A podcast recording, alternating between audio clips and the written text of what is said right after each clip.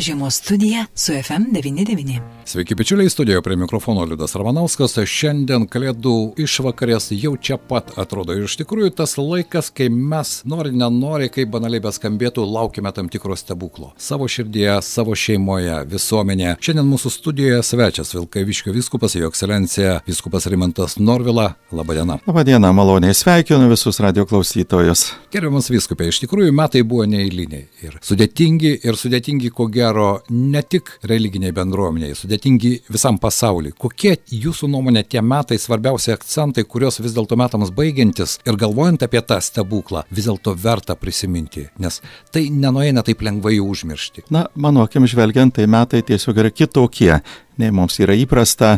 Pirmi pandemijos metai buvo tuo sudėtingi, kad buvo daug nežinios. Dabar šiek tiek jau geriau susigaudome ir kaip tas virusas klinda ir kokios jo pasiekmės, matom ir kai kuriuos tragiškus dalykus. Pavyzdžiui, ir mūsų viena kolegė visai nesenai, dėje 55 metų, baigė gyvenimą būtent dėl COVID viruso, dėl infekcijos. Bet kita vertus gyvenimas nesustoja ir jeigu kartais pagalvojame, kur nors socialinėje srityje gaunam kokias nors kompensacijas, kažkokias išmokas, čia jokių kompensacijų nebus. Tai yra mūsų gyvenimo dalis ir mes tą dalį gyvenam toliau. Ir e, norisi pradėti nuo tokio, na, šviesesnio žvilgsnio, kad e, kaip tik tokiuose aplinkybėse smagu išvelgti tai, kas yra gera ką pirmiausia savo artimame žmoguje matome gero, ką matome, kas mūsų šalyje yra gero, tų gerų dalykų labai daug. Taigi tas toks truputį tamsesnis fonas, kaip ir šiandien čia važiuojant į Alytų, e, mačiau jau e, toks debesų frontas ties netoli Alytaus, o toliau giedras dangus. Ir e, tie apšerkšnėję medžiai tame tamsesnėme fone dar tokie ryškesni spindi, dar saulės nušviesti ant tos sandoros e, jau debesų ir saulėto dangaus Ir panašiai ir čia, tame e, tokiame truputį tamsesnėme fone mes kaip tik galim geriau pamatyti tuos geresnius dalykus, o jų tikrai yra labai labai daug. Na, o kokie tokie svarbesni? Be abejo, e, pandemija jau lieka kaip tokia labai didelė svarbi aktualija ir e, žvelgiant į tai, Aišku, irgi norisi tą visų atsakomybę visada prisiminti, kad e, vis tik tai esame susiję, gyvename kartu tiek šeimoje, tiek darbo kolektyve, tiek e, toje pačioje vietovėje. Ir tas, na, toks rūpestis, kad ne tik kaip man bus, bet kaip bus ir tam, kuris yra šalia, tas kažkaip ir norėtųsi, kad būtų vienas iš šių metų akcentų svarbių, ko mes jau išmokom pernai, e, jau pandemijos pradžioje. Ir be abejo, tas e, pasidžiaugti reikia, kad na, daugumoje tikrai kažkaip atsakingiau. Švenčių proga noras truputėlį kažkaip labiau atsipalaiduoti ir atsijungti nuo visko. E, vis tik norisi linkėti, kad tą tokį pagarbų žvilgsnį kitą turėtume ir šioje srityje, kas liečia pandemiją, virusų sklidimą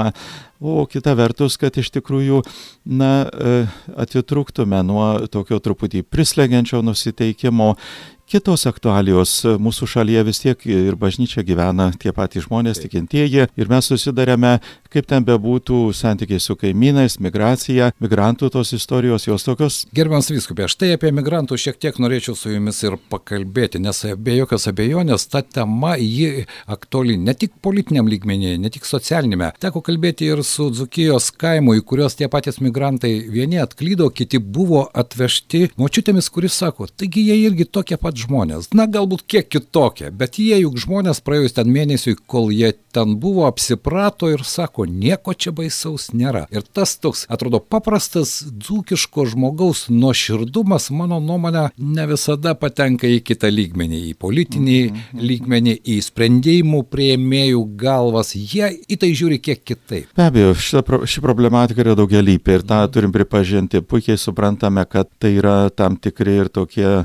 elementai tai na, prieš mūsų valstybę nukreipti iš mūsų kaimyno, kuris čia beveik kasdien prisimenamas žiniuose. Ir taip pat e, yra na, tos priemonės tokios žiaurokos, kad ir žiniasklaidą sklaidant, skaitant, e, sklaidant puslapius ar internetinius, ar, ar tiesiog spausdintinius, matai tas pastabas tokias, kad tie žmonės prievartas stumiami kad jie kartais ir mušami, kad iš jų atimamos paskutinės turimos lėšos, kai jie išvažiuodami net šaldytuvą pardavė viską, ką turėjo, o šiltame krašte ne žiema, šaldytuvas ten ypatingai svarbus, be jo neišgyvensi praktiškai. Tai tokie maži akcentai ir kažkaip padeda suprasti tą jų situacijos dramatiškumą. Ir vis tik tai norisi akcentuoti tai, kad jie yra žmonės. E, aš pats buvau e, vasaros metu apsilankęs čia aerodrome Lietuvoje ir susitikau daugumoje tie migrantų, e, migrantai jų grupė buvo sudaryta iš žmonių iš Centrinės Afrikos. Labai ramus veidai, jokios agresijos. Ir tas bendras įspūdis toks, na, sakyčiau, normalių gerų žmonių įspūdis. Galbūt vienas kitas, gal su sunkesnė biografija, ten negali iš pirmo įspūdžio kažką spręsti, bet vis tik tai paklausiau vieno, vienas mokytojų dirbęs, e, kitas šeima palikęs namuose ir tas jų migravimo vykimo klausimas yra ekonominis ir, ir kai kuriuose šalyse yra labai sunkios sąlygos politinės, socialinės, taip pat yra ir kariniai konfliktai. Na tai matant ir kaimynų tuos ketinimus ir norą supriešinti ir panaudoti tos migrantus kaip e, kažkokį instrumentą spaudimui, vis tik turime matyti ir žmonės, ir, ir tie žmonės e, daugumoje yra tokie, kurie nori gero, nėra kažkaip visiškai tokios sugriautos moralės, ar jie būtų vienokio tikėjimo ar kitokio. E, pamenu, pats e, Čikagoje lietuvių bendruomenės jų kvietimu teko lankytis kažkada senai ir vienas žmogus jau amžiuje, galbūt jau arti 60, sako, labai norėčiau pasikalbėti bent trumpai su kažkuo iš Lietuvos.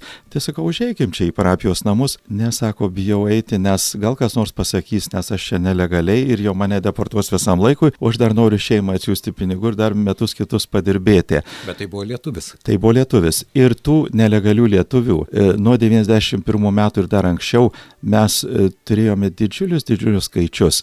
Ir norisi svarstant tą visą problemą prisiminti ir tai, kad kažkas mums padėjo, kažkas nesuniekino mūsų žmonių nuvažiavusių, gal išnaudojo kai kada darbe, daugiau valandų reikėjo dirbti, gal atlyginimas buvo mažesnis ir tikrai dažnai pačioje pradžioje buvo mažesnis, bet vis tik dauguma jų, jeigu norėjo toje šalyje įsitvirtino, ar tai buvo Didžioji Britanija ar Norvegija, kiekvienoje šalyje atskiros istorijos, atskirų šeimų, atskirų žmonių, kartais ir santokos buvo sudarytos tos tarptautinės ir šeimos susikūrė ir šiandien gyvuoja ir tvarkingai gyvena.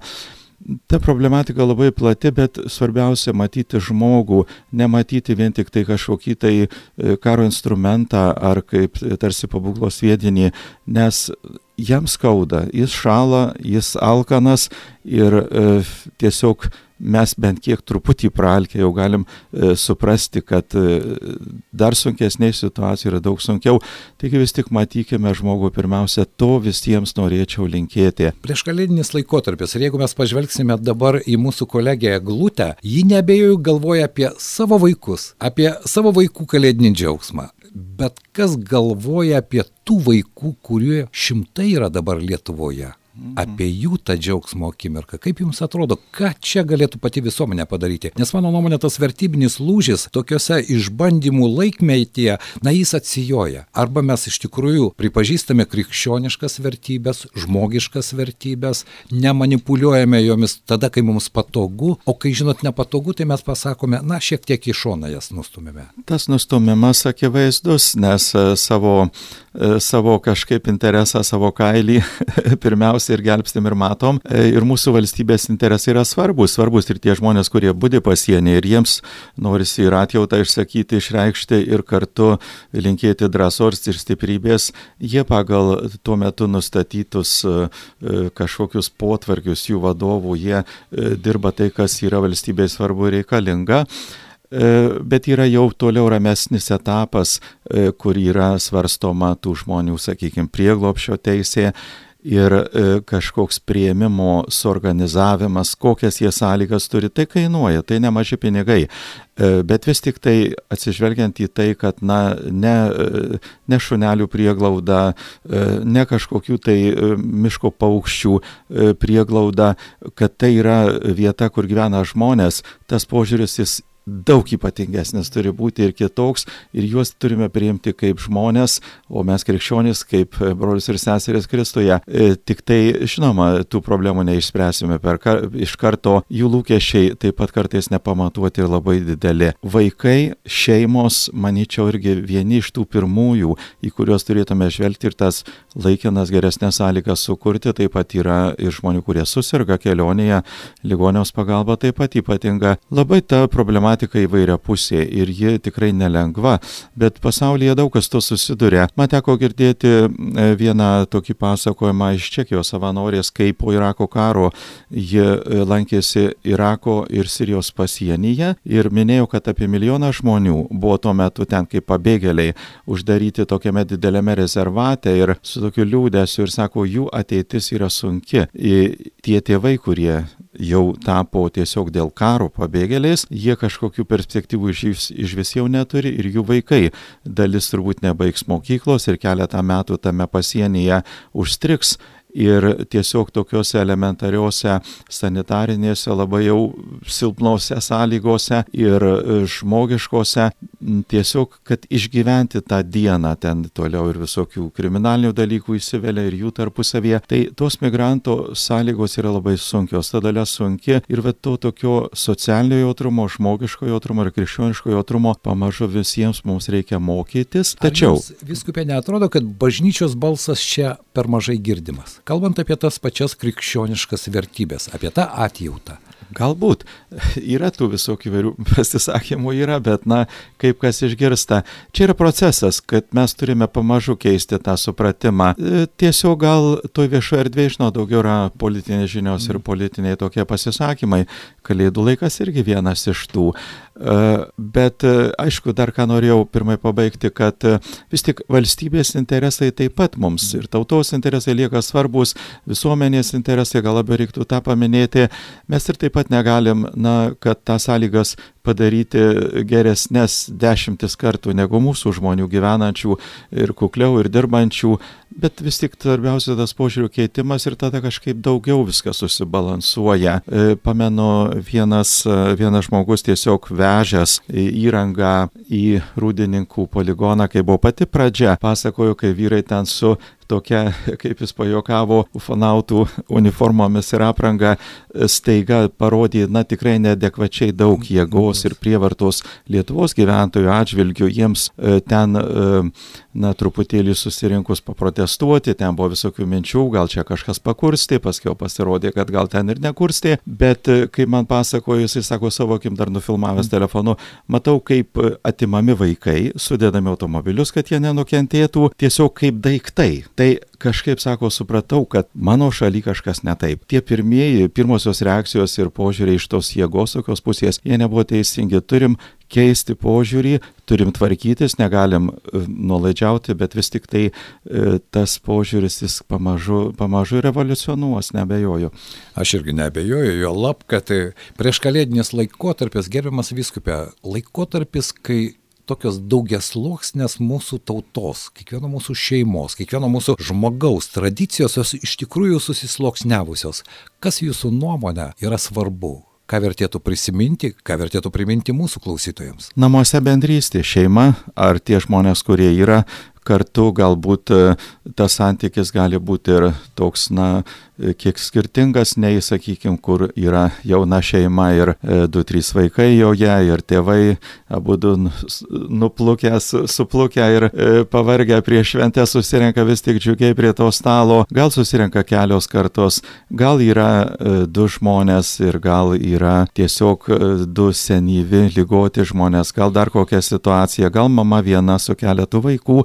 Visur tas santykis žmogiškas tarpusavio, manau, yra pats svarbiausias ir tą norėtųsi akcentuoti, kad Kalėdos kaip tik irgi e, tą šilumą tokia šeimos bendrystės mums duoda ypatingai kažkokia tokia nepaprastai, kaip paminėjau pradžioje, stebuklų metas atneša šviesiausią metuose nuotaiką, tai ta bendrystė, susitaikinimas, jei kažkas metų bėgė buvo ne taip, toks paprastas žodelis, atsiprašau, jis labai daug reiškia ir kažkaip iš karto sušildo. Ir, ir tas e, tarpusavio santykius, ir tas laikas draugė jis tampa, na, mielas ir geras. Tad labiausiai iš visų tų sluoksnių norisi linkėti to tarpusavio bendrystės šilto tokio laiko kartu drauge, pasitikėjimo, kad e, tų tokių, na, kartais ir pasitaikančių kažkokių apsibrausdinimų ar tokių nedidelių nesantaikos momentų, kad jie kažkaip ištirptų kaip sniegas pavasarį ir vėl naujai būtų galima pradėti gyvenimą. O daug gražių dalykų turime.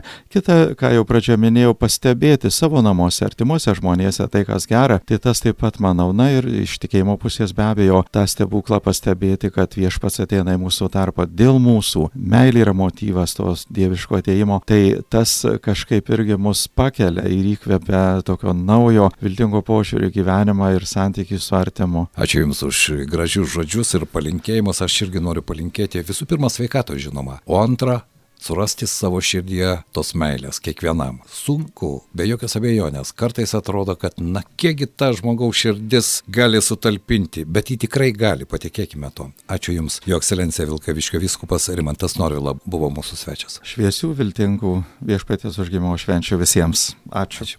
Žiemos studija su FM99.